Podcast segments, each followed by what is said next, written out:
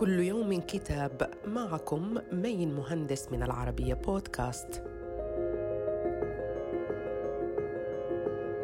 كتابنا اليوم نار حية للكاتب لويس برينتس يتضمن الكتاب سردا تاريخيا لحياة ميلينا ياسنسكا المرأة التي ارتبط اسمها بالأديب التشيكي العالمي فرانز كافكا في قصة حب لم يقدر لها أن تكتمل بالزواج كما تتبع خطاباتها التي كانت مفقودة حتى وقت قريب ومقاطع فيلمية وإذاعية عنها حصل عليها من بعض الأرشيفات.